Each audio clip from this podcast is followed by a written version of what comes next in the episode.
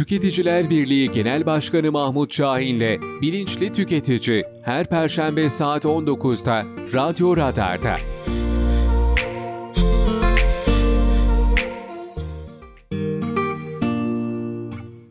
Tüketiciler Birliği Genel Başkanı Mahmut Şahin'le Bilinçli Tüketici başlıyor.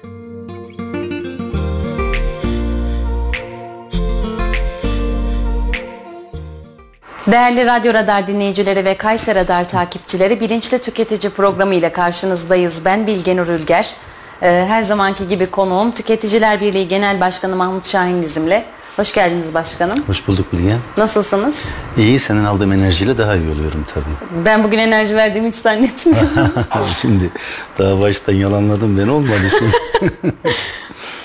Ee, bugün e, Galip Aykaç'ın istifasını, istifasından önceki açıklamasını e, ve buna sebep olan gündemi konuşacağız. E, Perakendeci, Perakendeciler Birliği Derneği Başkanı ve e, BİM'in CEO'su. Evet. E, MHP Genel Başkanı'nın e, market zincirleriyle FETÖ arasındaki e, bağlantı araştırılsın demesiyle e, alevlendi bu durum. E, Galip Aykaç'ın da şeyini dinleyelim isterseniz. Olur, Açıklamasını olur. Hı hı. dinleyelim.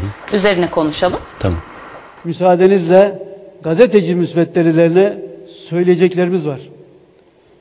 Eğer doğruysa diyerek ülkenin değerlerine saldıranlara, ilan vermiyoruz diye gazete sayfasını boş bırakanlara, televizyonda ağızlarından salyalarını akıtarak küfredenlere, bilmedikleri konularda biliyormuş gibi yorum yapanlara, peyniri yumurtayı sadece sofrasında görüp peynirle yumurtayla ilgili yorum yapanlara bu dünyayı size yaşanmaz kılarım diyecek kadar meselelerden bir haber olan depoyu basıp günlük tüketim kadar olan bile olmayan yağları halka dağıtırım diyecek kadar iş bilmez yöneticilere mağaza çalışanlarımıza söyleyin yöneticilerinize bu işin sonu kötü olacak. Size burada ekmek yedirtmeyiz diyen kanun nizam tanımayan yerel yöneticilere. Ziraatten haberi olmayan ve özellikle İstanbul Ziraat Odası Başkanı'na FETÖ terör örgütüyle bizi tehdit eden parti liderlerine söyleyeceklerimiz var. Perakende sektörünün organizesinin biraz evvel o bahsedilen o yakıştırmalarının tamamını kendilerine misliyle iade ettiğim o gazeteci bozuntularına gıda perakende sektörünün kar edenlerinin en yükseğinin ettiği kar yüzde dörttür. Bu dördün tamamını da verseniz enflasyon aşağıya gelmez. İşte söylediğimiz 85 80'e gelir. Bunu bile bile bire alıp üçe satıyorlar, bire alıp dörde satıyorlar diyecek kadar alçalan gazetecilere, oda başkanlarına diyorum ki bu algı operasyonunuzun vatandaşta karşılığı yoktur. Brüt kar marjımız 17,5. Yani yüze aldığımız bir malı 117,5'a satıyoruz. Yahu nerede burada biri alıp üçüne atıl, üç kata satılan fiyat? Nerede öyle bir ürün? Tüketici Hakları Derneği Başkanı televizyona açıklama yapıyor. Halktan diyor alıyorlar yüze, satıyorlar 400'e. Kendisinin mail adresini buldum, ona mail attım ama hala cevabını alamadım. Dedim ki bizi 2 ile 3 ile uğraştırma. Öyle büyük marjlı yerler varsa söyle de biz oralara yatırım yapalım dedim. Bu gazetecileri himaye edenlere, onlara bu şekilde işlem yapın diyen perde gerisinde bizi hedef gösterenlere, aslında sizi hedef gösterenlere diyorum ki başaramayacaksınız. Bizim ülkeyi yönetenlerle bir sorunumuz yok. Bir sorunumuzun olmasına müsaade de etmeyeceğiz. Bunu buradan çok açık söylüyorum. Biz bu ülkenin temel taşlarıyız. Bu temel taşını yerinden oynatmaya da bunların güçleri yetmez. Bize bakarak ya bir tuğla da ben koyayım bu memlekete bir binanın temel taşına bir kürekte harç ben koyun demeyen bir tane dikili ağacı olmayan insanlar sizlere ve bizlere bu yakıştırmaları yapıyorlar. Bir ahlaksızlar, bir edensizler. Sizlere bundan sonra sizin tonunuzda cevap vereceğim bunu bilesiniz. Evet açıklamayı dinledik. Başkanım neden 100 alıyor 400'e satıyor dediniz. Evet. O sizsiniz. Ee, ya e, öncelikle açıklamanın çoğuna katıldığımı söyleyeyim. Yani e, tepkilerinde çok haklı. Birçoğunda haklı. Ee, ben baştan beri e, aslında bu marketler, üç harfli e, zincir marketler e, işte fahiş zam yapıyorlar e, söylemleri olduğu zaman çok itinalı bir dil kullandım. Dedim ki bunlar tacir. Bunlar daha çok kazanmak için çabalarlar. Yani ticaretin hedefi budur zaten. Çok kazanmak. Ve siz o ortamı verirseniz bu insanlara bunlar çok kazanırlar. Tabii onlara özgü de bir şey değil yani. Tabii canım tabii tabii. Şimdi burada çok e, öne çıkmasının sebebi ne? Cumhurbaşkanımızın sık sık çıkıp o zincir marketler çok faiz zam yapıyorlar demesinden kaynaklı. Tabii şimdi Cumhurbaşkanı geriye çekildi. Devlet Bahçeli öne çıktı çok e, enteresan bir şekilde. Hatta e, geçen gün Cumhurbaşkanı bir açıklama yaptı. E, duydun mu? iki gün önce. E, bütün dedi sıkıntıların sebebi dedi bu basın dedi. Basın dedi marketlerle yatıyor marketlerle kalkıyor dedi. Tamam işte söyledik dedi bir e, düzenleme yapılacak dedi. Kapatın bu konuyu niye açıp duruyorsunuz anlamında. Yani savunur tarzda bir açıklama yaptı. Halbuki bu işin köpürmesini sağlayan kendisiydi baştan beri. Hani e, tabiri caizse ben e, orada diyorum ya o itinalı dili kullanmamda ben o üç harfli market zincirine hiçbirisine isimlere geliştirmedim. Tam çok kazandıklarını biliyorum ama çok kazanmaları çok fahiş fiyatla sattıklarına kaynaklanmıyor. Kendi sistemlerinden kaynaklanıyor çok kazanmaları. Evet. Hani yüzde dört diye ağlanmasın boşuna. Bir üründen eğer yüzde yüzden aşağı kazanıyorsa biz hiçbir şey bilmiyoruz. Bunu ispatlarız da. Hani orada demiş ya e, e-posta adresini bulduk gönderdik. Yalan söylüyor. Böyle bir posta falan gelmedi. Size mail gelmedi. Yok bir de hani e, ne gerek var maile? Ya biz buradayız, biz her taraftayız. Yani aç telefonu konuşalım. Yani ben de kendisine dedim zaten. Hani beni kastediyorsan ben, Aydın abim kastediyorsan Aydın abim bizim e, Evet. yönetimde. Birlikte geliriz. Çayları da ben ikram ederim dedim yani. Konuşalım. Yüzümüze söyle onları. Yani yüzde dört. Hani diyor ya böyle bir sektör varsa söyle de biz üçle beşle uğraşmayalım onu yapalım. Ya sizin yaptığınız iş o iş. Yani binlerce marketi niye açarsınız? Yüzde dört kazanmak için mi? Yani bu, bu, bu mümkün değil. Buna kimse inanmaz. Fakat bu zamları ta baştan beri söylediğimiz gibi körükleyen neydi? Yani akaryakıt, doğalgaz, elektrik zamlarıydı. Yüzde dört yüze varan zamlar. Yani dur dur sen yıllarca yüzde iki, üçü, beşi geçmeyen zamlar yap. Bir anda yüzde dört yüz zam yap. Bu piyasanın dengesini bozar mı? Bozar. Bozar, bozdu da. Tabii. Bozdu ve fiyatlar arttı. Şimdi fiyatları artıran o marketler falan değil. Yani bu temel maliyetler, maliyet kalemleri olan ürünlere sen yüzde dört yüz zam yaparsan her şeye zam kaçınılmaz gelir. Bak kaçınılmaz gelir. Çünkü ya ben akaryakıttan bağımsızım, ben doğalgazdan bağımsızım, ben ek- elektrikten bağımsızım diyen bir üretici var mıdır? Yok tabii bir Ben de yok. yani kira oturdukları yer işte asgari şey çalışanları var dört tane beş tane asgari ücret vermek durumunda her en kötü asgari ücret vermek durumunda çalışan her personeline. E dolap çalıştırıyor elektrik yakıyor doğalgaz ödüyor. Şimdi bu adam geçen bununla ilgili e, bazı belediye başkanları, bazı valiler, e, bazı zabıtalar, zabıta müdürleri e, böyle şov yaptılar. Yani bunu ben de gördüm ve utandım şahsen. Hani size burada ekmek yedirmeyiz laf falan. Bu ne ya? Bu firavunvari laflardan kurtulan. Ben belediye başkanı da bu lafı söylediği zaman karşı çıkıyorum. Milletvekili de söylediği zaman vali de söylese, bu adam da söylese. Yani böyle laf söylenmez. Size burada ekmek yedirmeyiz. Yani şimdi bu marketlerin tam zararları konuşuluyor şu anda ama bir faydası da var. Bunu kabul edelim. Bak yani e, fiyatları bu kadar düşük seviyede tutmalarının sebebi alım güçlerinin çok olması. Yani çok ciddi mal alıyorlar. Dolayısıyla ne yapıyor? Fiyatları düşürüyor. Ve rakiplerine alan bırakmıyor bak. O tamam o kendi içerisinde bakkalları veya rakiplerini öldürmesi, e, onları m, kapatmaya zorlaması falan Onları çok çok öne çıkardı bir numara yaptı Evet. neredeyse. Şimdi fakat fiyatları düşük tutmasını da kabul edelim. Adamın gücü var. Bastırıyor diyor ki ben diyor senden 100 tane 1000 tane almayacağım ki diyor. 1 milyon tane alacağım diyor. 500 kamyon sipariş veriyorum diyor. Şimdi bu üretici için cazip bir teklif. Tamam ne yaparım benim kesin satacağım bu kadar 3 yıllık üretim adam almış. 3 yıllık. Ben bir yaparım minimumdan hesaplarım. Satış garantisi olduğu için düşük fiyattan veririm. Çünkü diğer türlü satış için de bir harcama yapacağım ben değil mi? Yani Üretici- satacak mıyım? Öyle bir pazar var mı? Pazar arayacağım. Bak bir maliyet. O maliyetin hepsinden kurtuluyorum ve bana diyor ki ben 3 yıllık üretimini senin kapatıyorum diyor kardeşim. Şu da belgen al ödemeler. Şimdi herkes buna tabii der. Adam uygun alıyor. Fiyatları düşürüyorlar bak. Yani eğer o marketleri kapatalım biz bu marketlerin hepsini piyasadan çekelim. Bu sefer fiyatları kontrol edemeyiz. Bak doğal olarak o intikam başlar. Onların bunlar karşısında ezilme intikamı bu tarafa bize döner, tüketiciye döner yine. E bu faydalarını kabul edelim. Ne olursa olsun biz eziliyoruz yalnız Tabii. vatandaş. Filler tepişir, çimenler ezilir.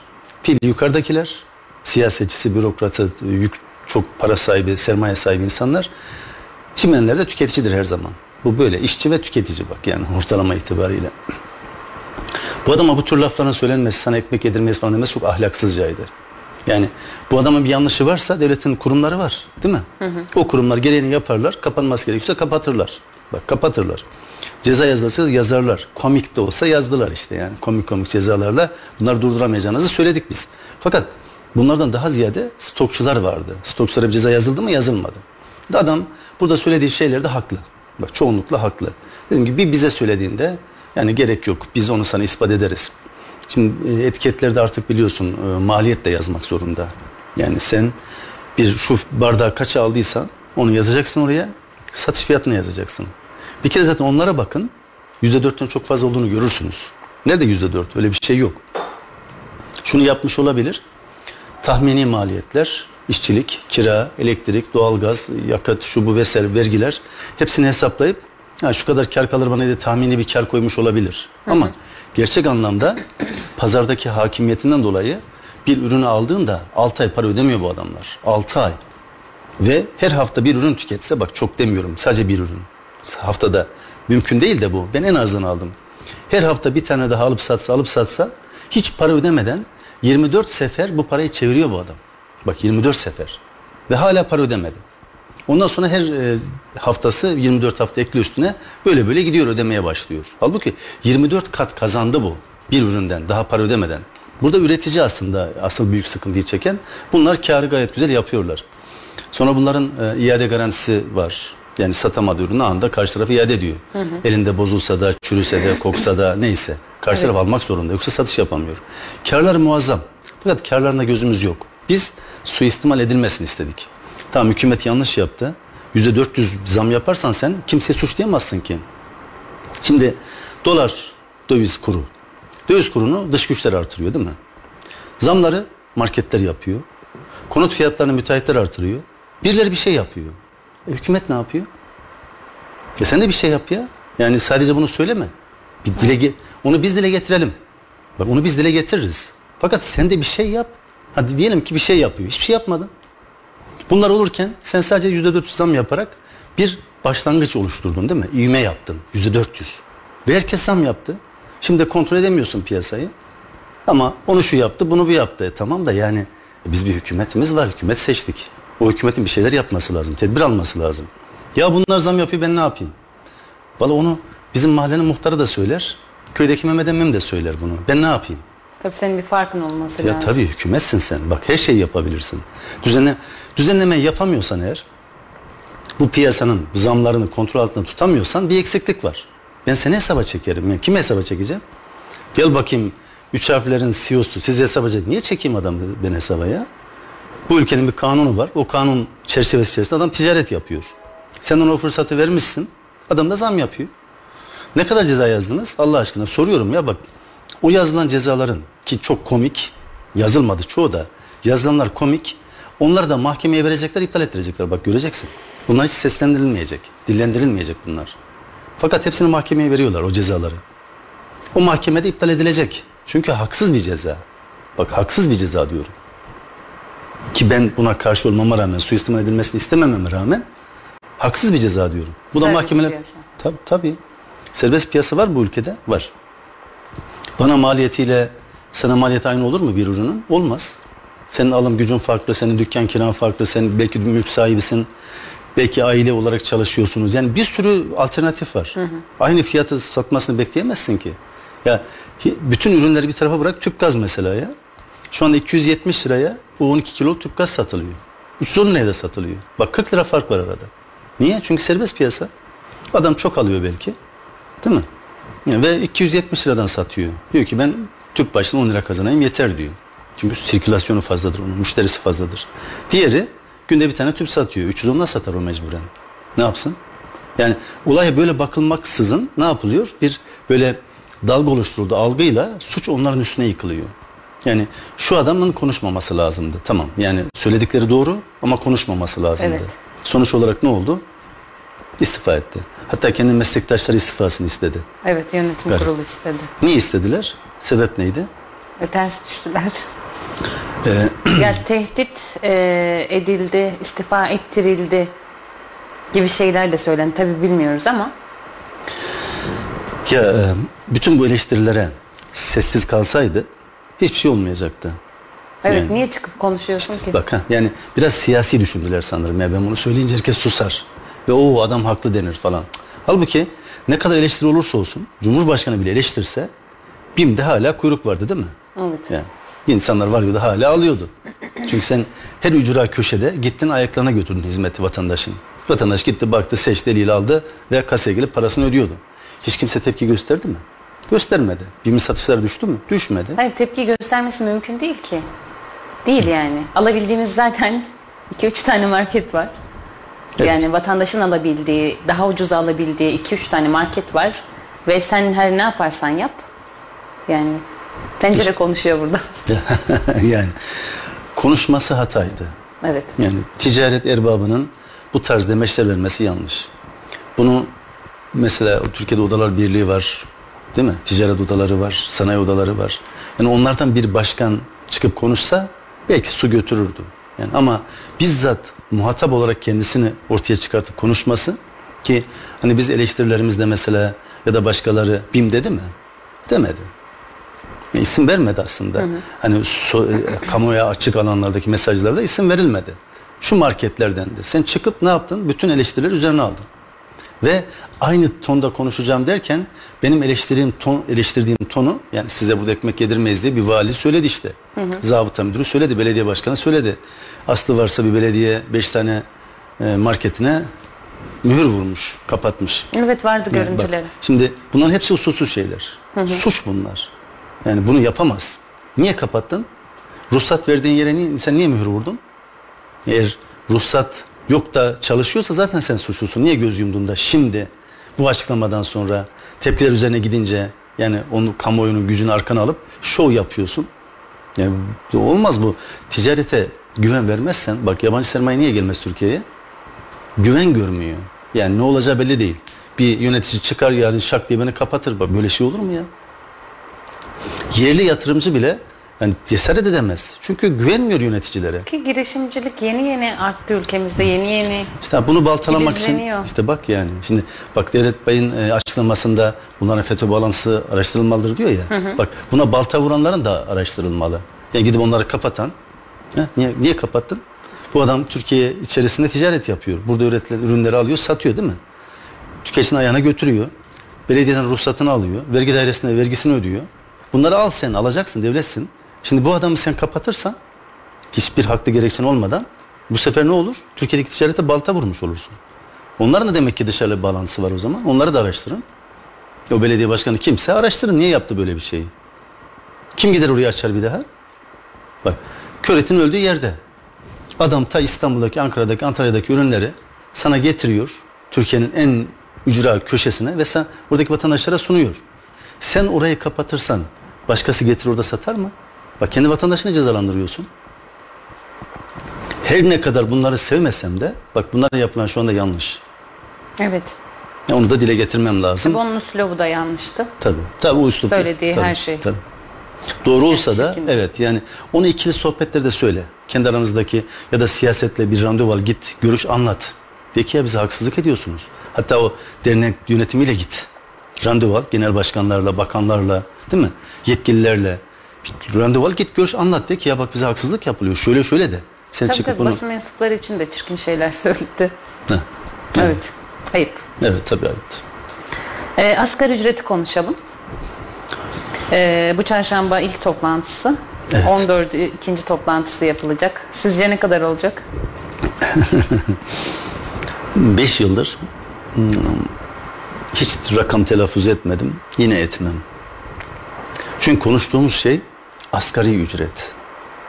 Yani ben isminden gıcık kapıyorum. Yani ismi yanlış. Ben bunun üzerine niye konuşayım ki? Evet. Hatta e, geçen dedim bir toplantıda ya velev ki 20 bin lira oldu. Yani iyi bir rakam gibi geliyor değil mi? Ama bugün 5500 neyse yarın 20 bin de o. Ben zamlarda daha çok üzülüyorum. Evet. Çünkü ben ek- ekonomik bir insanım. Çok ekonomik bir insanım. Benimki bile 3 ay sürüyor. Ya benimki uzun sürüyor yine değil mi? Üç yani ay, o tepi tabii, takla olma dönemi 3 ay sürüyor. Ya birinci ayda tepe takla olanlar var. Daha Evet. aldığı anda, zamlı maaş aldığı anda tepe taklak olan var. Yetiştiremeyenler var. Yani biz, bak ekonomide istikrar çok önemli bilgi. Bu istikrarı yakalamadıktan sonra 20 bin lira yap. Ve en az ücreti belirliyorsun sen. En az. Asgari en az demek. O ücreti belirliyorsun. En az ücreti. 20 bin yapsan 20 bin de en az ücret oluyor. Bak adı yanlış adı. Bir kere o adı değiştirmek lazım. İnsani ücrette, insanca yaşanacak bir kriter, bir norm. Ve- Açlık sınırını e, Evet. Bak bir konfederasyonun genel başkanı evet Ergün asgari Ataman. ücret tespit komisyonuna e, oturma yetkisini almış bir konfederasyonun genel başkanı açlık sınırı kırmızı çizgimiz diyor. Yani ben 14 milyon insanın açlık sınırında yaşamasını istiyorum demek bu. Sonra özür diledi ama yanlış anlaşıldığını ve algı yapıldığını söyledi. Ee, yok ya. Ya bu, bunlar sadece o tepkileri dindirmek adına yapılan şeyler. Yıllardır böyle. Yani ilk defa olan bir şey değil ki. Yıllardır bunu yapıyorsun. Şimdi mi farkına vardın? Yani bak bir 8 bin rakamı duyuldu ya, duyuruldu ya. Hani burada e, o rakamın hemen altında bir e, sınır sö- sö- 7800 küsür lira dedi zaten işte. 7785 lira. Yani e, bunu söyleyip güya 8000 olunca bak biz kırmızı çizgimizi söyledik, resti çektik ve dediğimiz oldu. Hava satacak. Yani açıklamalar yapılırken dahi daha sonra yapılacak açıklamaların e, zemini hazırlanıyor. Yani ben bir e, 14 milyonluk kitleye verilecek parayı belirlerken ya işte dur bakayım açıklandıktan sonra şöyle bir açıklama yaparsam güzel olur, sansasyonel olur, e, alkışlanırım falan hesabını yapıyorsam ya ben iyi bir insan değilim bak yani iyi bir sendikacı değilim özür dilerim iyi bir sendikacı değilim. Sendikacılık böyle olmaz. Sendikacılık işçinin A'dan Z'ye hayat standartlarını belirlemek noktasındaki çalışmalarla ölçülür. Senede bir defa gündeme gelen, senede bir defa ve o anda sendikalar bir e, oturuluyor, konuşuluyor. "Aa, Sendika şunu istemiş, bunu istemiş. Sendikalar da birbiriyle hani sarı sıvı yarışı yapar gibi ben 8 istedim, o 10 istedi, 20 istedi. Ne Biz ne? de 13 açıklamasını yapmış. Yani 13 küsur. Bak ki- ne verilirse verilsin. Ben üste çıktım daha 20 bile verilse yanlış. Yani çünkü en az bütün e, fiyatlar aynen yüzde 400 zam yapıp bunu tetikleyince nasıl ki faiz zamlar yapıldı arka arkaya ve o yüzde 400'e rahmet okuttu. Asgari ücrete sen şimdi yüzde 100 zam yap. Bütün ürünler yüzde 120 zamlanacak. Evet.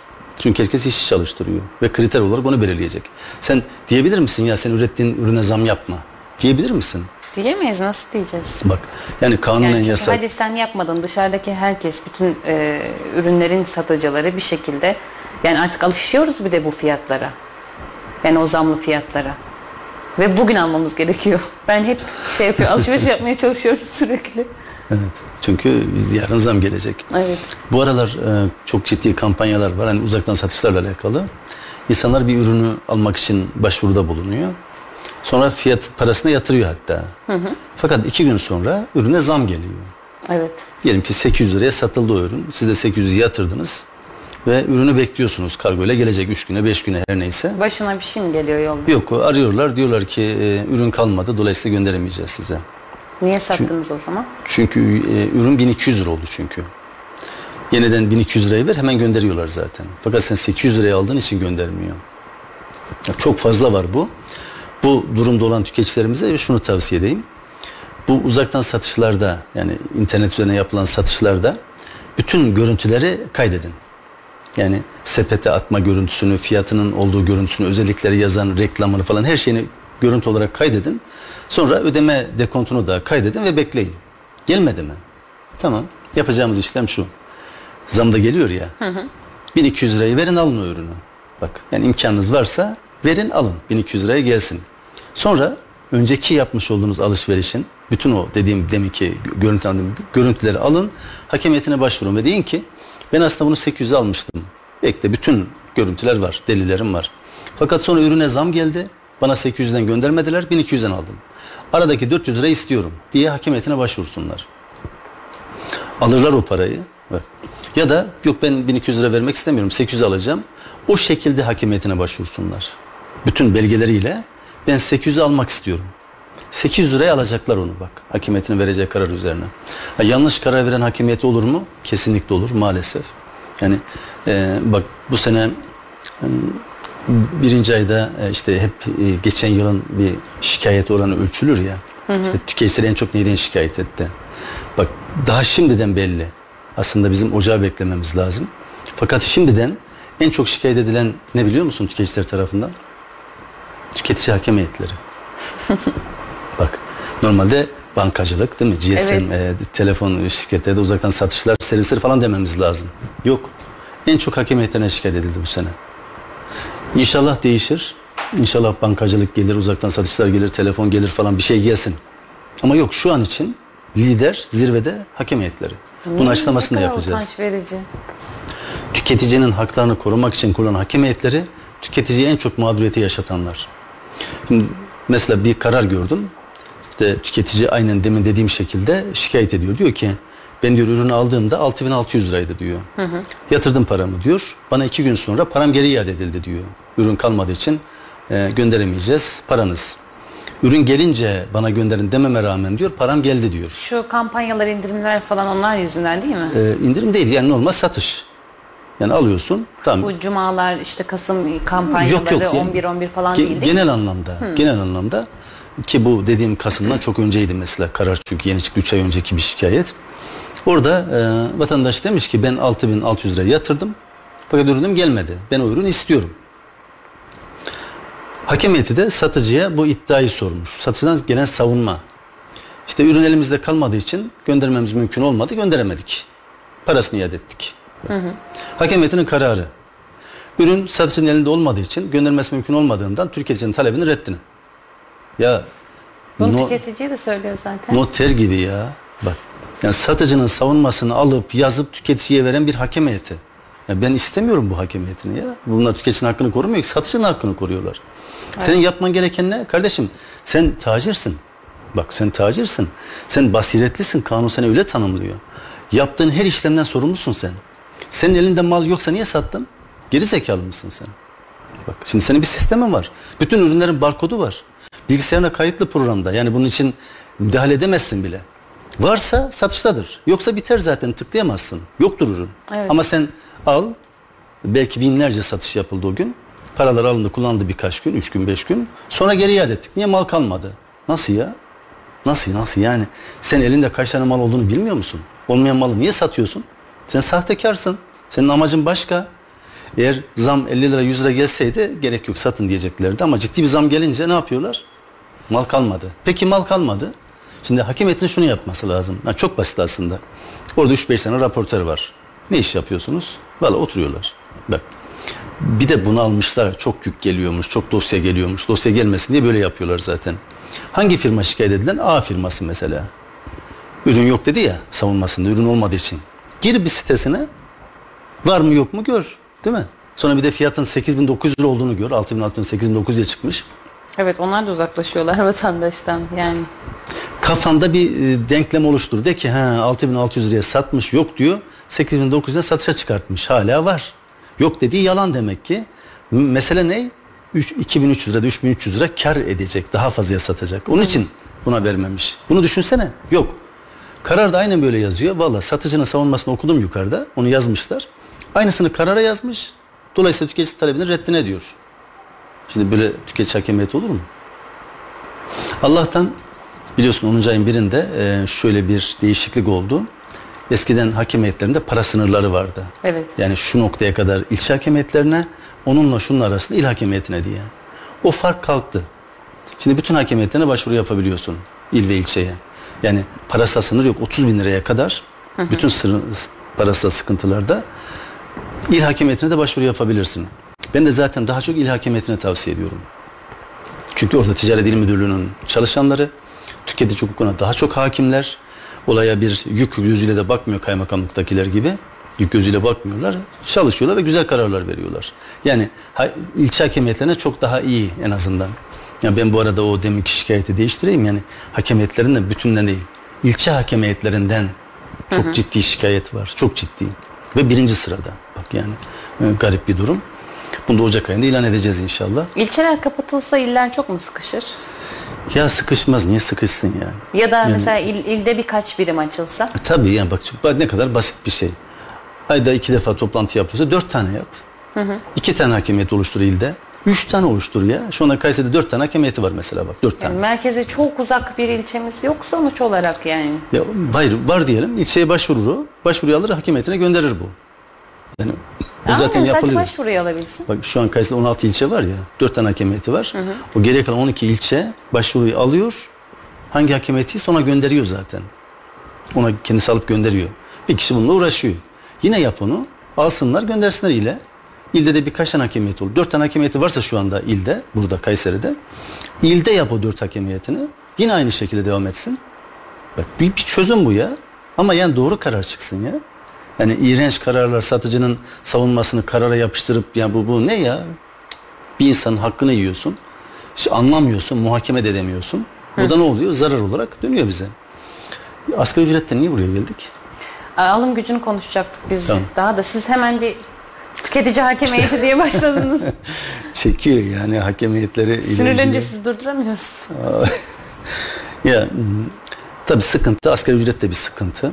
E, Asgari ücretle ilgili bakış açısının değişmesi lazım bu ülkede. Alım gücünü nasıl artıracağız? E, o bizim problemimiz değil.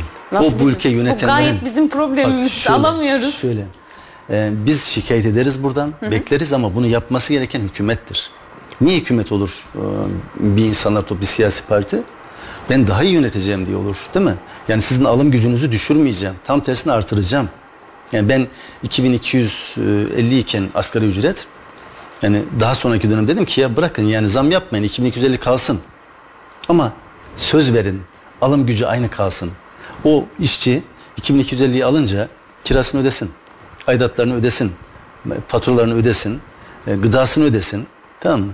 Gerekiyorsa bir kenara da biraz koysun. Ödeyebiliyordu. Önümüzdeki sene de yaptı, yapmayın zam ama aynı şeyler devam etsin. Yine 3-5 kuruş bir kenara koyacak şekilde bir insani ücret verin. Bir birikim olsun 3-5 kuruş. Hani aylık e, 1000 lira da artırsın demiyorum zaten. 2250 ise eğer bir 250 lira her ay bir kenara koyabilsin. Mesela bir şey için kötü günler için mesela işte falan filan. Şimdi bir yere koyma işi tamamen bitti ama e, şu an e, temel ihtiyaçlarımızı da çok zor karşılıyoruz. Hatta karşılayamıyoruz. E, biz tabii ki bir şey yapamayız. Vatandaş, işçi bir şey yapamaz. E, bunun için ne yapılması lazım? O bizi yönetenlerin ne yapması lazım? Bak e, şimdi Türkiye'de e, Güvenli piyasa. bütün o, o kesinlikle de e, bütün birimlerde şöyle bir uygulama var. Yani amiyane tabirle söyleyeceğim. Saldım çayıra Mevlam kayıra. Yani gitsin. E, yo, su güzergahını bulur. Akar yatağını bulur. İşte e, Kürdün göçü gide gide düzelir gibi bir, bir anlayış var. Ve maalesef yani bir program, bir fizibilite yok yok proje yok. Yani bakanlıklar Planlama yok. Bakanlıklar hiç kafa yormuyor bu işlere. Kendi bakanlıkları için söylüyorum. Mesela geçen hafta Tarım Bakanı dedi ki bundan sonra hiç kimse kafasına göre bir şey ekmeyecek. Bana ver- bilgi verecek, öyle ekecek. Evet. E şimdi e, günaydın, günaydın. Yıllardır neredeydin? Demek ki yıllardır e, çok gelişi güzel bir politikan vardı.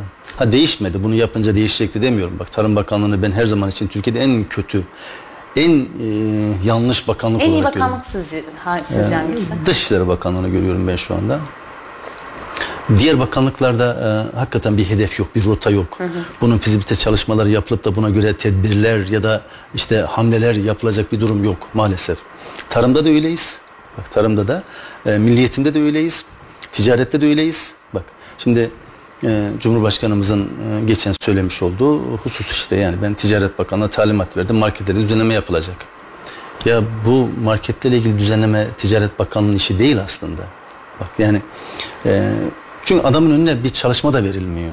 Yani ki o konuşuyor işte aldığı bilgilere göre ekibinden ona göre konuşuyor doğal olarak yani. Benden bilgi almıyor, ekibinden bilgi alıyor. Ekibi ne derse ona göre e, konuşmaları yapıyor. Şimdi Cumhurbaşkanı'nın konuşmasını kimse basit almamalı. Yani sonuçta bir şey söylediğinde o etkili oluyor. Yani anlık da olsa etkili oluyor. Ertesi güne sarkmıyor. Ki kendisi de çok şikayet ediyor bürokrasiden. Yani ben bizzat yayınladı kaç kez dinledim. Ya ben bürokratlara bir talimat veriyorum diyor. Tamam diyorlar arkamı dönüyorum gene bildiklerini okuyorlar diyor. Yani kendisi bile şikayet etti bürokrasiden. Böyle bir bürokrasimiz var. Şimdi siyaset ne yapacak? Tedbirleri alırken bak ben benim amacım ne bir ülkeyi yönetirken? Bir kere o insanların rahat bir şekilde yaşamasını sağlayacağım değil mi? Borçlanmadan. Temel kriterler vardır. Yani ben işte e, Rolls Royce'a binmek istiyorum, Jaguar'a binmek istiyorum. Yok öyle bir şey değil yani. Tamam bir aracın olur e, ama kendi gelirine göre olur ama bir aracın olur bak bir araç. Beyaz Şahin de olsa bir aracın olur mesela. Şimdi bu bundan geçtik. Benim Beyaz Şahin bile yok biliyor musunuz? 70 İşte, bin lira bak, Beyaz Şahin. Tamam. Yani düşün işte şu anda senin araba almanı sağlayacak bir ekonomik ortam oluşturulmuyor. Senin gelirin araba almaya müsait değil. Birikimden vazgeçtik dedin evet ben onu zaten sembolik anlamda söylemiştim yani öyle bir ücret olsun ben bir kenara da koyabileyim yaşayayım arabam olsun. Ben kenara koyabiliyorum bu arada. Oo, Onu söyleyeyim de. Maşallah güzel güzel. Arabam Tabii yok bu, ama. Bu şundan kaynaklı. e, sen ev kirası vermiyorsun. E, Evet. Evde gıda problemi yok. Tabii bunu kenara koymak olarak söyleme. Bu kenar kendi başına yaşasan sen her ay içe Ben yine girersin. koyardım siz beni tanımıyorsunuz. E, e, kiralar ne kadar? Ee, var mı? İki- ben en son iki buçuktu baktığımda. Aa. 2500 lira falandı. Biraz önce nereden geliyorum biliyor musun? Bu şehir hastanesinin arkasında bir TOKİ var. Kayseri'nin en ucunda bir TOKİ. Oradan geliyorum. Ee, bir sorundan dolayı davet ettiler beni. Yöneticisi ve oradaki sakinler, oturanlar. Ee, bu suların, e, kanalizasyon sularının ve yağmur sularının e, gönderilmesi için bir terfi merkezi var. Terfi istasyonu diyelim. Ee, orada işte motorlar var. Ee, onlar yanlış yapıldığı için tabaştan hani o motor çok küçük yapılmış şu kadar bir boru ve taşımıyor, tartmıyor. Ee, filtreler tıkanıyor bizim insanlarımızın yanlış kullanmasından dolayı. El bezi atıyorlar, peçete atıyorlar falan filan. Oralar tıkanıyor. Dolayısıyla motora zarar veriyor. Sürekli taşıyormuş ve koku yapıyor. Yani komple Toki'yi e, pis bir koku sarıyor. TOKİ mi başka bir kooperatif mi? Toki Toki. Şeyin e, bir e, odanın ne odasıydı? Ama Toki yapmış yani Toki konutları.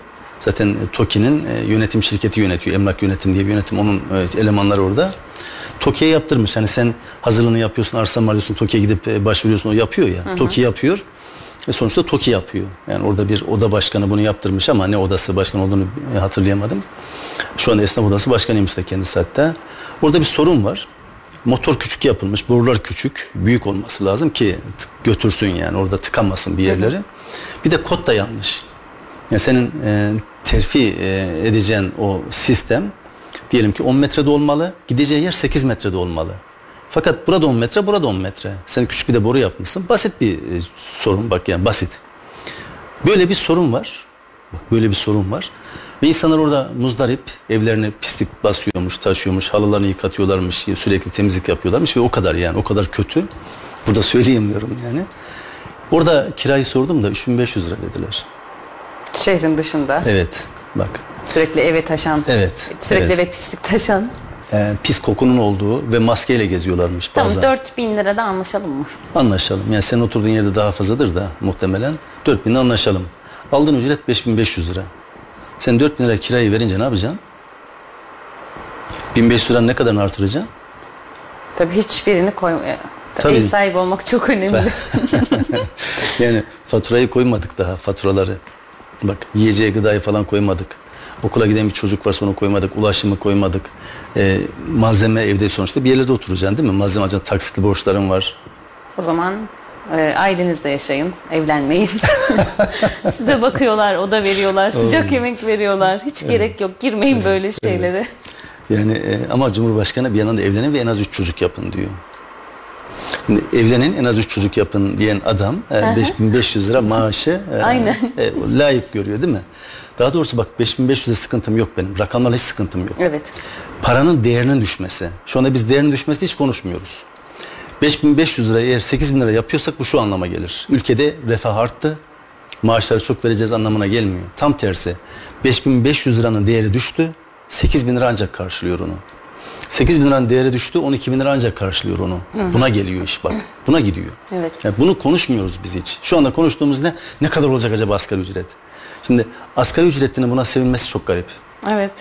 Asgari ücretli üzülmeli aslında bak 12 milyon insan yatıp kalkıp isyan etmeli. Artırmayın şunu demeli. Fakat onlar artsın istiyor. Onlar artsın istiyor ama ya sizin alacağınız her şeyin artacağının farkına varın artık. Döngü hep sürecek. Bak ve bu bir kandırmaca. Bak birileri bu döngüyü hep sürdürerek aslında bizi kandırıyor. Her yılda bir asgari ücret ne olacak ne olacak? Niye? Yani ben masrafım artmasa tamam asgari ücretin artması ne kadar güzel biliyor musun? 5500'de geçinebilme başarısını göstermiş bir işçi 5500 lirayla geçinmeye devam edecek ama geri kalan 2500 lira 8000 olunca artacak. Ha buna ne yapayım? Hmm, kitap alayım. Bir kitap, kitaplık kurayım evime. Kitap alayım. Ne bileyim bir bilgisayar alayım işte internete gireyim. Ya da tatil yapayım. Yani aylık 2500 lira kenara çıkıyor. 6 ayı artırsam 15 bin lira. 15 bin lira gider güzel bir tatil yapar geliriz. Bu sene Akdeniz'e, seneye Karadeniz'e değil mi? Öteki sene Kıbrıs'a gider geliriz. Bak nedir bu? Refahın artmasıdır. Bunu yapsak tamam. Ama yapmıyoruz ya. Ama biz takla attırdığımız borçları ödeyeceğiz. E, ama yeniden de borçlanacaksın işte. Evet. Keşke ödeyince bitse. Tamam yani ödemek için o fark olsa da sen aynı şekilde yaşamaya devam etsen amenna ama olmuyor işte. Ya bu bu komedi bu kısır döngüyü niye devam ettiriyoruz? Ya yapma zam ya. Bana yapma yerine de yapılmasın. Çünkü asgari ücrete zam yaptığın zaman sen 12 milyon işçiyi çalıştıran özel sektör ürettiği ürüne zam yapacak. Çünkü onun maaşa zam yaptığın adam verecek onu. Evet. Değil mi? Yani o işveren verecek o farkı. O farkı nereden çıkartacak o adam? Şimdi BİM'de işte galiba kaçın istifa ettiği şirkette kaç kişi çalışıyor? Çok kişi 10 bin kişi. yani bir- En az 10 bin kişi çalışıyordur bak. 10 bin kişinin maaşı 5500'den 8000'e çıkacak. Bu ne demektir? Bu adamın ürünlerine zam yapması demektir. Kim alacak bunu? Gene o işçi alacak, sen alacaksın, ben alacağım. Evet. Yani bu, bu kısır döngüyü çözecek hükümettir. Ben bunu nasıl çözerim? Ya bu ekonomik gidişatı ben istikrarlı hale nasıl getiririm? Ya piyasada otursun ya. Şimdi biz dünyada kriz var, her tarafta sıkıntı var falan filan diyoruz ya. Ee, şimdi Avrupa'dakilerle e, hep öyle söylenir. Moda. Ben görüştüm Avrupa'dakilerle ev kiraları çok yüksek falan deniyor ya. Şimdi Avrupa'da mesela Deniyor derken siz inanmıyor musunuz? ee, yok yok inanmıyorum. Ee, tanıdıkları varsa şimdi söylüyorum dinleyenler de bunu bir not etsinler. Avrupa'da tanıdık varsa ki hep işçidir zaten çoğunlukla bizim buradan gidenler işçidir. Evet. Soralım mesela diyelim ki 10 sene önce ne kadar maaş alıyordun? Ne diyecek? 4000 euro diyecek. Şimdi ne kadar maaş alıyorsun? 4000 euro. Bak istikrar bu işte. Ve o insanların hepsinin evi var, arabası var. Güzel de bir yaşantıları var. Evet. Ya eşek gibi çalışıyorlar. Ya buradakiler ne gibi çalışıyor? Yani Tabii şimdi canım. işte o mağazalardaki çalışanlar. Bak e, Kayseri Park, Forum AVM, e, A- BYZ, ne bileyim ne varsa Mesu Outlet, İpek Saray. Kayseri'de kaç tane var? Bir tane daha açıldı şimdi. Buralarda çalışan işçiler mesela. Bak o kıyafetlerine bakma. Orada güzel giyinmek zorundalar. Ee, Sonuçta tezgahtarlar orada çalışanlar. Hepsi gönüllü birer köle gibi çalışıyor. Gönüllü birer köle gibi.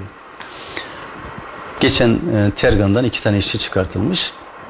Ee, yapacağımız faaliyet var. Onu inşallah yine sizinle paylaşacağız zaten basında. Ama çalışmalarına bir bakıyorum oradaki çocukların. Köle gibiler. Evet. Köle gibi çalıştırıyorlar orada. Ne veriyorlar? 5500 lira. Prim vereceğiz size. Nasıl prim vereceksiniz bize? İşte sen bu ay, bu ay kendin müşterilerine eğer 200 bin liralık mal satarsan sana yüzde bir prim vereceğim. Ben 200 bin liralık mal satabilsem senin dükkanında niye çalışayım yani? O Saçmalık. yeteneğin varsa değil mi? Yani heh, tamam.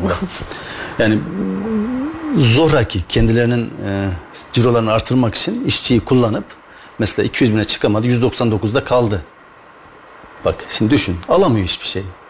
1000 liralık daha yapsa mesela 2000 lira alacak ya. 199 yaptığı için 0 lira alıyor. Şimdi bu yöntem mi ya? Bütün satışlarına yüzde bir koysana madem öyle. 200 bine koyma. Yani çocuk 5500 lira alıyorlarsa ona 5800, 6000, 7000 yapmak için çabalasınlar. Ama başkanım benim de arkadaşlarım çalışıyor ya. Yani 5500 almıyorlar, güzel alıyorlar. Asgari ücretin üstünde alıyordu. Nerede çalışıyorlar? İsmini söylemeyeyim şimdi yani. Yok yani. AVM, Forumda. Forum AVM'de. E, çıkınca bir arayalım mı? Arkadaşlarınız sana söylerler maaşlarını. Söyle, söyledi de yani. Ha, söyledi. Ne kadar alıyormuş? alıyordu. Ee, asgari ücretin üstünde alıyordu bin lira falan. O dönemki asgari ücret.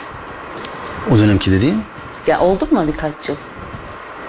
Yani güzeldi maaşı 5500 falan değildi. Tamam şimdi soralım bir çıkışta. Soralım, çıkışta yani, soralım. Yani bin lira fazlası 6500 lira. Ona da tamam bak fazla alıyorsa ona da eyvallah sevinirim. 6500 lira 5500 liradan çok mu büyük bir para? Değil. Ama hayır şöyleydi. Ee, yanlış hatırlıyorum ben. Ee, çok fazla mesai yapıyorlardı. Onu o yüzden alıyordu. Çıkamıyordu yani izin de alamıyordu bir türlü. E, Mesaisini alıyorsa Mesaisiyle tamam bak alıyordu. mesaisini Aha. alıyorsa eğer gerçekten veriyorlarsa ona da sevinirim. Çünkü vermeyenler çok fazla. Yani özel sektörde Evet. günlük 8 saattir çalışma süresi. 10 saat, 11 saat çalışırlar ama 8 saat üzerinden hesap hatta 7,5 saat üzerinden hesap görülür. Haftalık 45 saat denir ve konu kapatılır. Değil mi? Halbuki 60 saat çalıştırırlar. Yani e, bu düzeni e, değiştirmek e, burada o kişinin hakikaten hani e, Avrupa'da falan sen insanları mesai bırakamazsın. Çünkü o der Ücretini ki ödesen bilemem. Tabii tabii. Çoğunluk kalmaz. Niye kalmaz biliyor musun? Ya aldığım para yetiyor bana. Niye burada çalışayım ki? Giderim çoluğumla, çocuğumla, eşimle, ne bileyim arkadaşlarımla vakit geçiririm diyor. Bak. Burada ne? Mesai vereceğini bilsin. Sabaha kadar çalışıyor. Evet. Niye? Çünkü ihtiyaç var. Açık çok.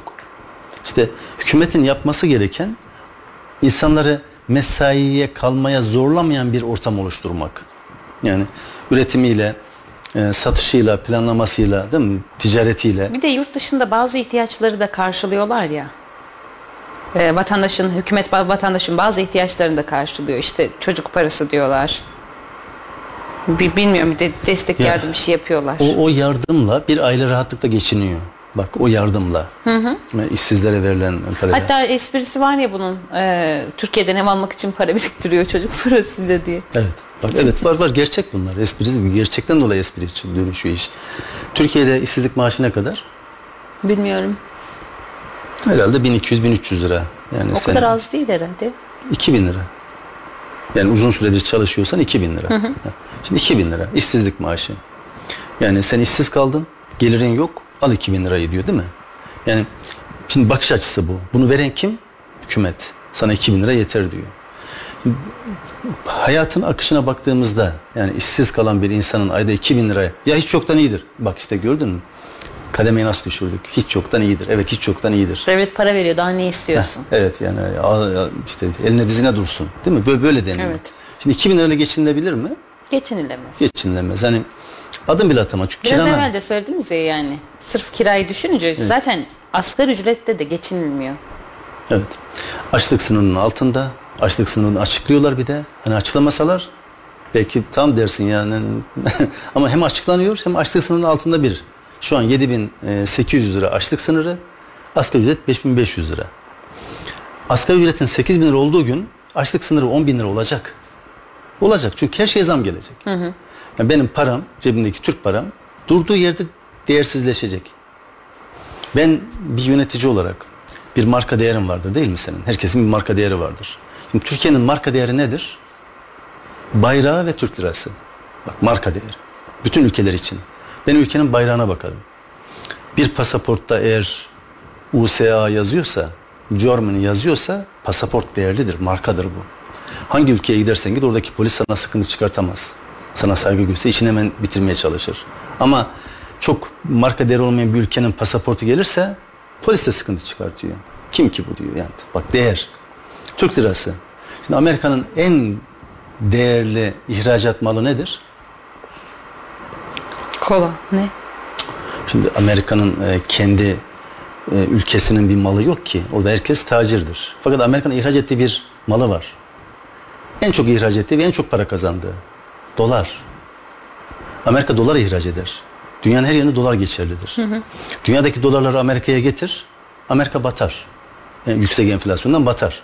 Çünkü karşılığı yoktur o doların. Bak karşılığı yoktur. Türkiye'de karşılığı olmayan bir para bas. Mesela bazen Merkez Bankası'ndan yeni çıkmış jilet gibi paraları görünce birçok e, kişiden duydum ben. Aa, başkanım yeni basılmış diyor, enflasyon var diyor. Bak. Çünkü karşılıksız para basıldığını düşünüyor insanlar. Bu budur yani. Para çoğalırsa enflasyon olur. Paranın kıymetli olması demek yani senin paranın alım gücünün fazla olması ve az olması demek. Az param çok şey alır demek. Ama bizim çok paramız az şey alıyor. Bak enflasyon.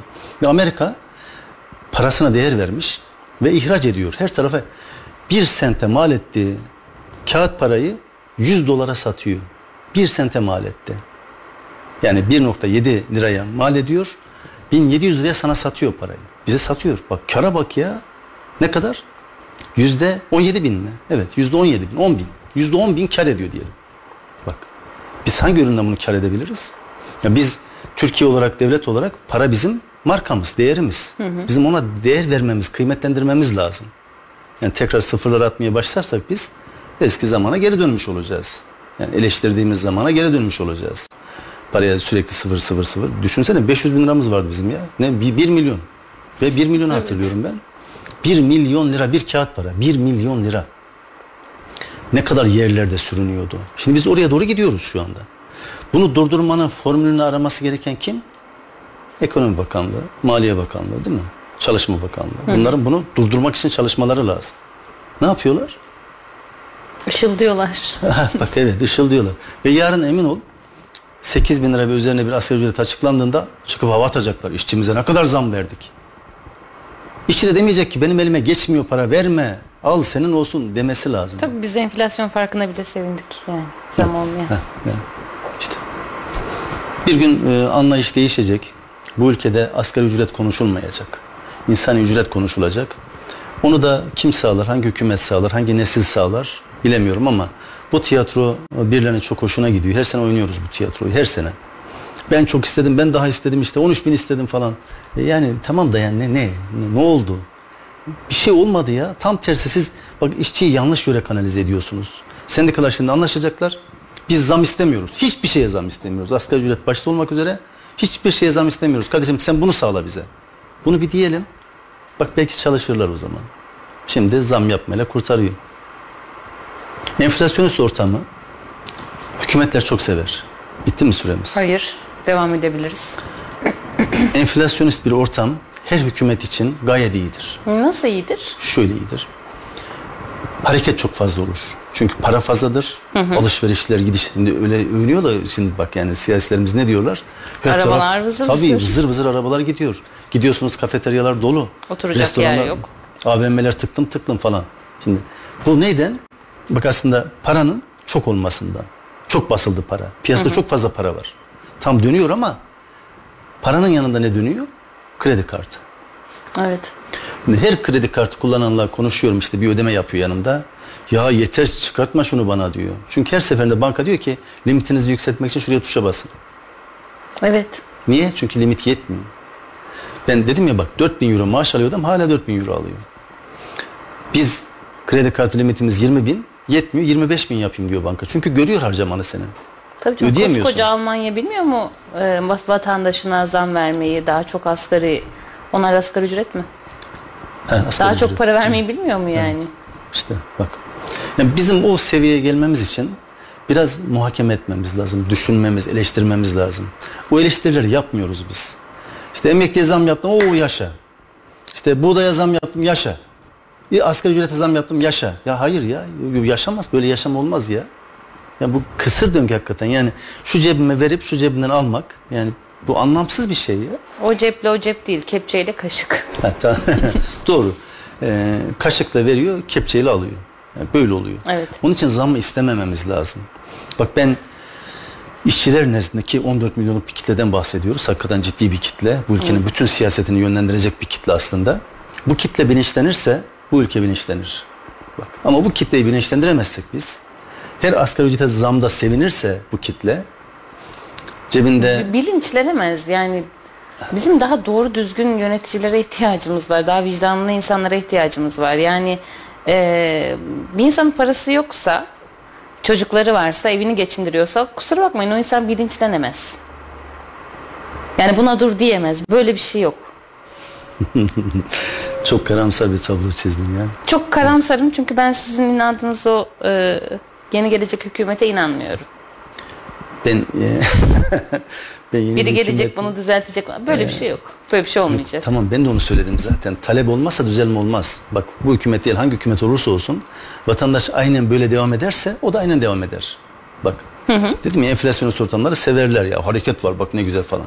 Yani paranın değerinin düştüğünü, bankaların kredi kartlarındaki limiti artırarak vatandaşı sürekli kendi içine aldığını falan hesap etmezler.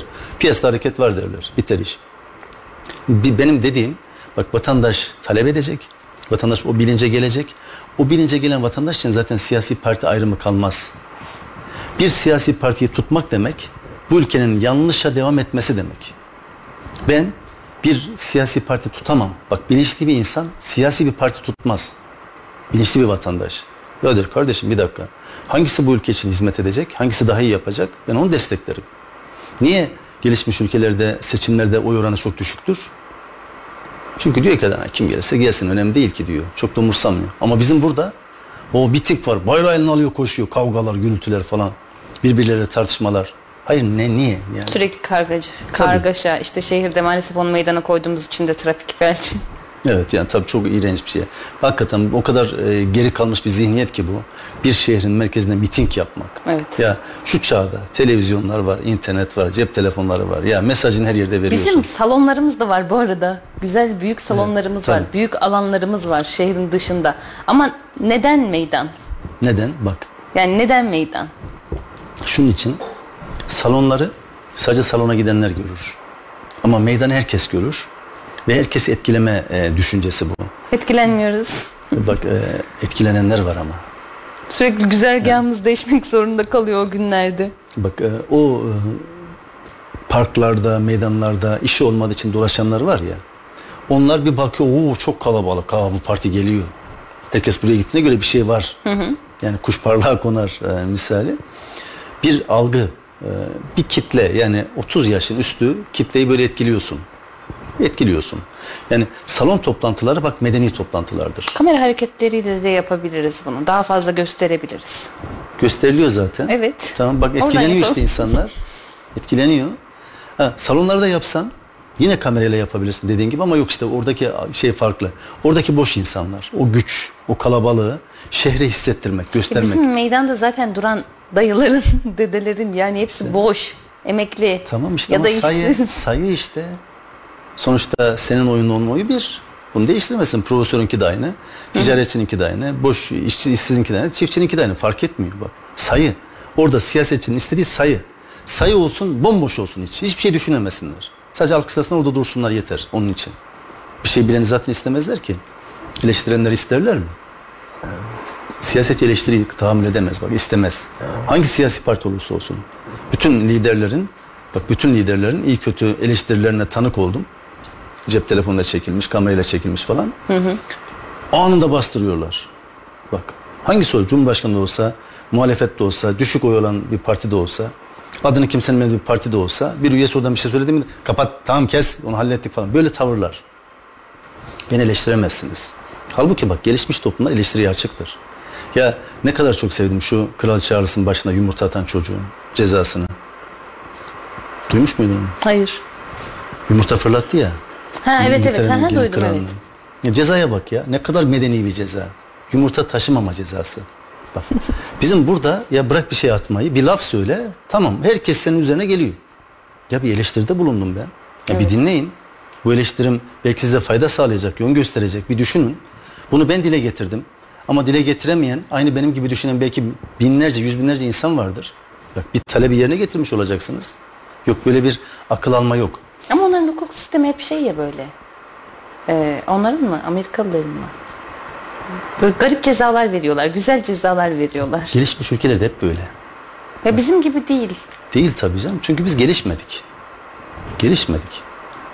Biraz önce söyledim işte bak yani TOKİ'nin e, o şehir hastanesinin arkasına yaptığı sitelerde vatandaş hatalı, gelişmemiş. Peçetenin ya bez peçetenin ne işi var ya kanalizasyonda? Allah aşkına yani onu bir çöp poşetine atarsın çöpe verirsin geri dönüşüme gider. Bak. Ya da ne bileyim işte adını söylemeyeceğim bir sürü bir şey. Yani plastik parçalar falan filan. Bunları atıyorsun ve orayı tıkıyorsun. Uyarılıyorsun, atmaya devam ediyorsun. Yani Hala biz çamaşırları sermek noktası biliyorsun balkonları hala asarız aşağıya şıp şıp şıp şıp. Sofra bezlerini çırpmalar vesaire. Bak yani bunlar bizim gelişmediğimizi gösteriyor tamam. Vatandaşta sıkıntı var ama orayı yapan müteahhitte de sıkıntı var. Çünkü ölçüyü düzgün yapamıyor. E, TOKİ'de sıkıntı var şartnamesini düzgün hazırlayamıyor. Hazırlamışsa e, projesine bakmıyor. E, KASKİ'de problem var sen ona niye izin verdin? Ya kod farkı yoksa bu boru buraya taşımaz diye niye izin verdin? Ya bak hepsinde hepimizde sıkıntı var. Bu sıkıntı yukarıdan böyle her şey düzelecek deyince olmaz. Aşağıdan talep olacak. Aşağıdan talep olmazsa düzelmez bak. Mümkün değil bu. Onun için aşağıyı bilinçlendirmek diyorum. Her sivil toplum örgütü kendi alanında bilinçlendirme yapacak. İnsanlara düşündürecek. Hani şu ana kadar düşünmeyen kafalar hakikaten paslanmış. Paslanmış. Biri benim adıma bir şey yapar diyor. Yapamıyorsa bir sebebi vardır diyor. Vardır bunun da bir hikmeti diyor. Bak, hemen bir hikmete bağlıyor olayı. İşin kolaycılığı. İşte daha da ileri gidersen ya dış güçler yapıyor diyor. Şimdi He, dış mihraklar. İşte şu yaptı bu yaptı kötü niyetler yaptı. Tamam mı işte de ben de diyorum ya biz ya tam hükümet de bir şey yapsın. Herkes bir şey yapıyorsa o da bir şey yapmalı. Biz o bilinci artırırsak mesela milletvekilleri yarın çıkacaklar işte dolaşacaklar. Ee, bu asgari ücret zammı yapılana kadar çıkamazlar ama asgari ücret zammı yapıldıktan sonra bu zam yaptık bak işte işçimize biz şunu düşündük falan filan. Yani çıkacaklar işte çıktıklarında vatandaş e, bak kimseye dövün demiyorum. Yumurta da fırlatmayın, domates de fırlatmayın. Fakat yanlış yapıyorsunuz deyin. Ben geçinemiyorum kardeşim. Sen istersen 15 bin yap. Zamlar durmuyor ki. evet. Dese vatandaşlar bak inan çıkamazlar. Düzeltmeye çalışırlar. Fakat onlar da biliyor ki yarın güzel takım elbiseleriyle, kalabalık ekiplerle, anonslarla çıktıklarında vatandaş bunlara saygı gösterecek. Sayın vekilim, sayın vekilim falan. Şirinlik yapacaklar. Evet. Sonuç ne olacak? Vekil diyecek ki ya ne yaparsan yap millet bizi gene seçer diyecek. Bu gelişmiş ülke formatı değil bak. Biz o formattan çıkmalıyız. Bir kere siyasi parti hatta futbol tarafta, futbol kulübü. Ya böyle şapşalca bir şey olmaz ya. Ben falan fa- takımlıyım. Niye o takımlısın sen? Ne gibi bir bağın var senin o takımla? Ne ne bağın var ya? Yöneticisini tanımazsın. Futbolcusunu tanımazsın. Sadece oyununu görüyorsun orada. Benim ideallerime, hayat anlayışıma ters bir takımı ben niye tutayım? Ya bilmiyorum ya. Ya niye tutayım ben o takımı? Seyredersin bir futbol maçını. Güzel oynayan alkışlarsın, keyif alırsın. Kim kimle oynarsa fark etmez. Bak, keyif almak için bakarsın. Şampiyon olana da tebrik edersin. Yine aynı şekilde siyasi parti liderlerini dinlersin. Dinlersin. Ne diyorlar? Ne konuşuyorlar? Ne vaat ediyorlar? Ekibi kim? Projeleri var mı? Ne anlattılar? Nasıl yapabilecekler bunu? Dinlersin, onu desteklersin. Beğenmezsin ötekisini desteklersin. Ya kemik oyu diye bir şey olur mu ya? Bu geri kalmışlığın göstergesidir ya. Bir siyasi parti için kemik oyu şu kadar diyorlar. En kötü partide olsa kemik oyu var. En iyi parti olsa da kemik oyu var. Bak o aradaki fark iniyor çıkıyor ama bir kemik oyu. Ne bu ya? Allah aşkına. Hakikaten çok geri kalmış düşünce bu ya. Bizim bu kalıpları kırmamız lazım. Bu anlamda işte bugün bir sivil toplum örgütü e, önünde bir açıklama yaptık. E, daha önce e, sizin haberini yaptığınız Kızılay mesela. Bizde sivil toplum örgütleri de sivil toplum örgütlüğü yapmıyor. Yani kendi görevini, üzerine düşeni layıkıyla yapmıyor. Bununla ilgili bir çabaları da yok. Ya biz Kızılay'ız mesela. Biz neyiz? Hayır kurumuyuz. Biz insanların gönderdiği bağışları ki çok ciddi bağışlar geliyor ya da Avrupa Birliği kapsamındaki bazı fonları o fonları kullanıyoruz. İnsanlardan kan topluyoruz. Sonra ne yapıyoruz bunu? Benim yaptıklarıyla ilgili bir sürü endişem var. Soru işareti var. Onu söyledim. Mesela Kızılay bir hayır kurumudur ve Kızılay'ın belki 10 tane avukatı var. Allah Allah. Bir hayır kurumunun niye 10 tane avukat olur? Niye? Mesela ben Tükeçler Birliği'nin avukat olur. Çünkü bizim işimiz gücümüz dava. Değil mi? Satıcılara dava, alıcılara dava, devlete dava, yürütmeyi yapanlara dava. Herkese dava açıyoruz biz. Evet. Bize avukat lazım. Fakat hayır kurumu niye avukat barındırır bünyesinde? Çünkü hayır kurumu değildir. Ticari bir işletmedir orası. Bak değişmiş. Mantık değişmiş. Kızılay Kızılay'ını yapmazsa, hayır kurumunu yapmazsa, öteki kendi işini yapmazsa, ben kendi işimi yapmazsam, bak bu toplumun bilinci yükselmez işte. Eğer sivil toplum örgütüyse bir kurum bunun gereğini yapmalı. Ülkeye borcu var, çocuklarımıza borcumuz var.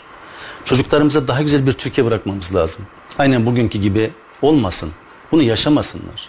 Biz bu trajediye, bu komediye, bu tiyatroya alıştık. Fakat çocuklarımız buna alışmasın. Alışmak çok kötüdür. Bak bir şeye alışırsan Evet tepki de büyük gösteremiyoruz. tabii tehlike odur bak. İşte zamlarda olduğu gibi. Yarın zam gelecek nasıl olsa bak. Daha bugünden kabullendik bunu. Ve zam geliyor. itiraz yok. Çünkü kabullendik zaten. Kabullenmememiz gerekiyor. İtiraz etmemiz gerekiyor. İşte Talas'ın tepesinde devlete ait bir bina var. Beş katlı bir bina. Bomboş duruyor. İki senedir. İki senedir bomboş duruyor. Devlete ait bir bina. İçindekiler çalınmış hırsızlar tarafından. Dünya kadar mal çalınmış.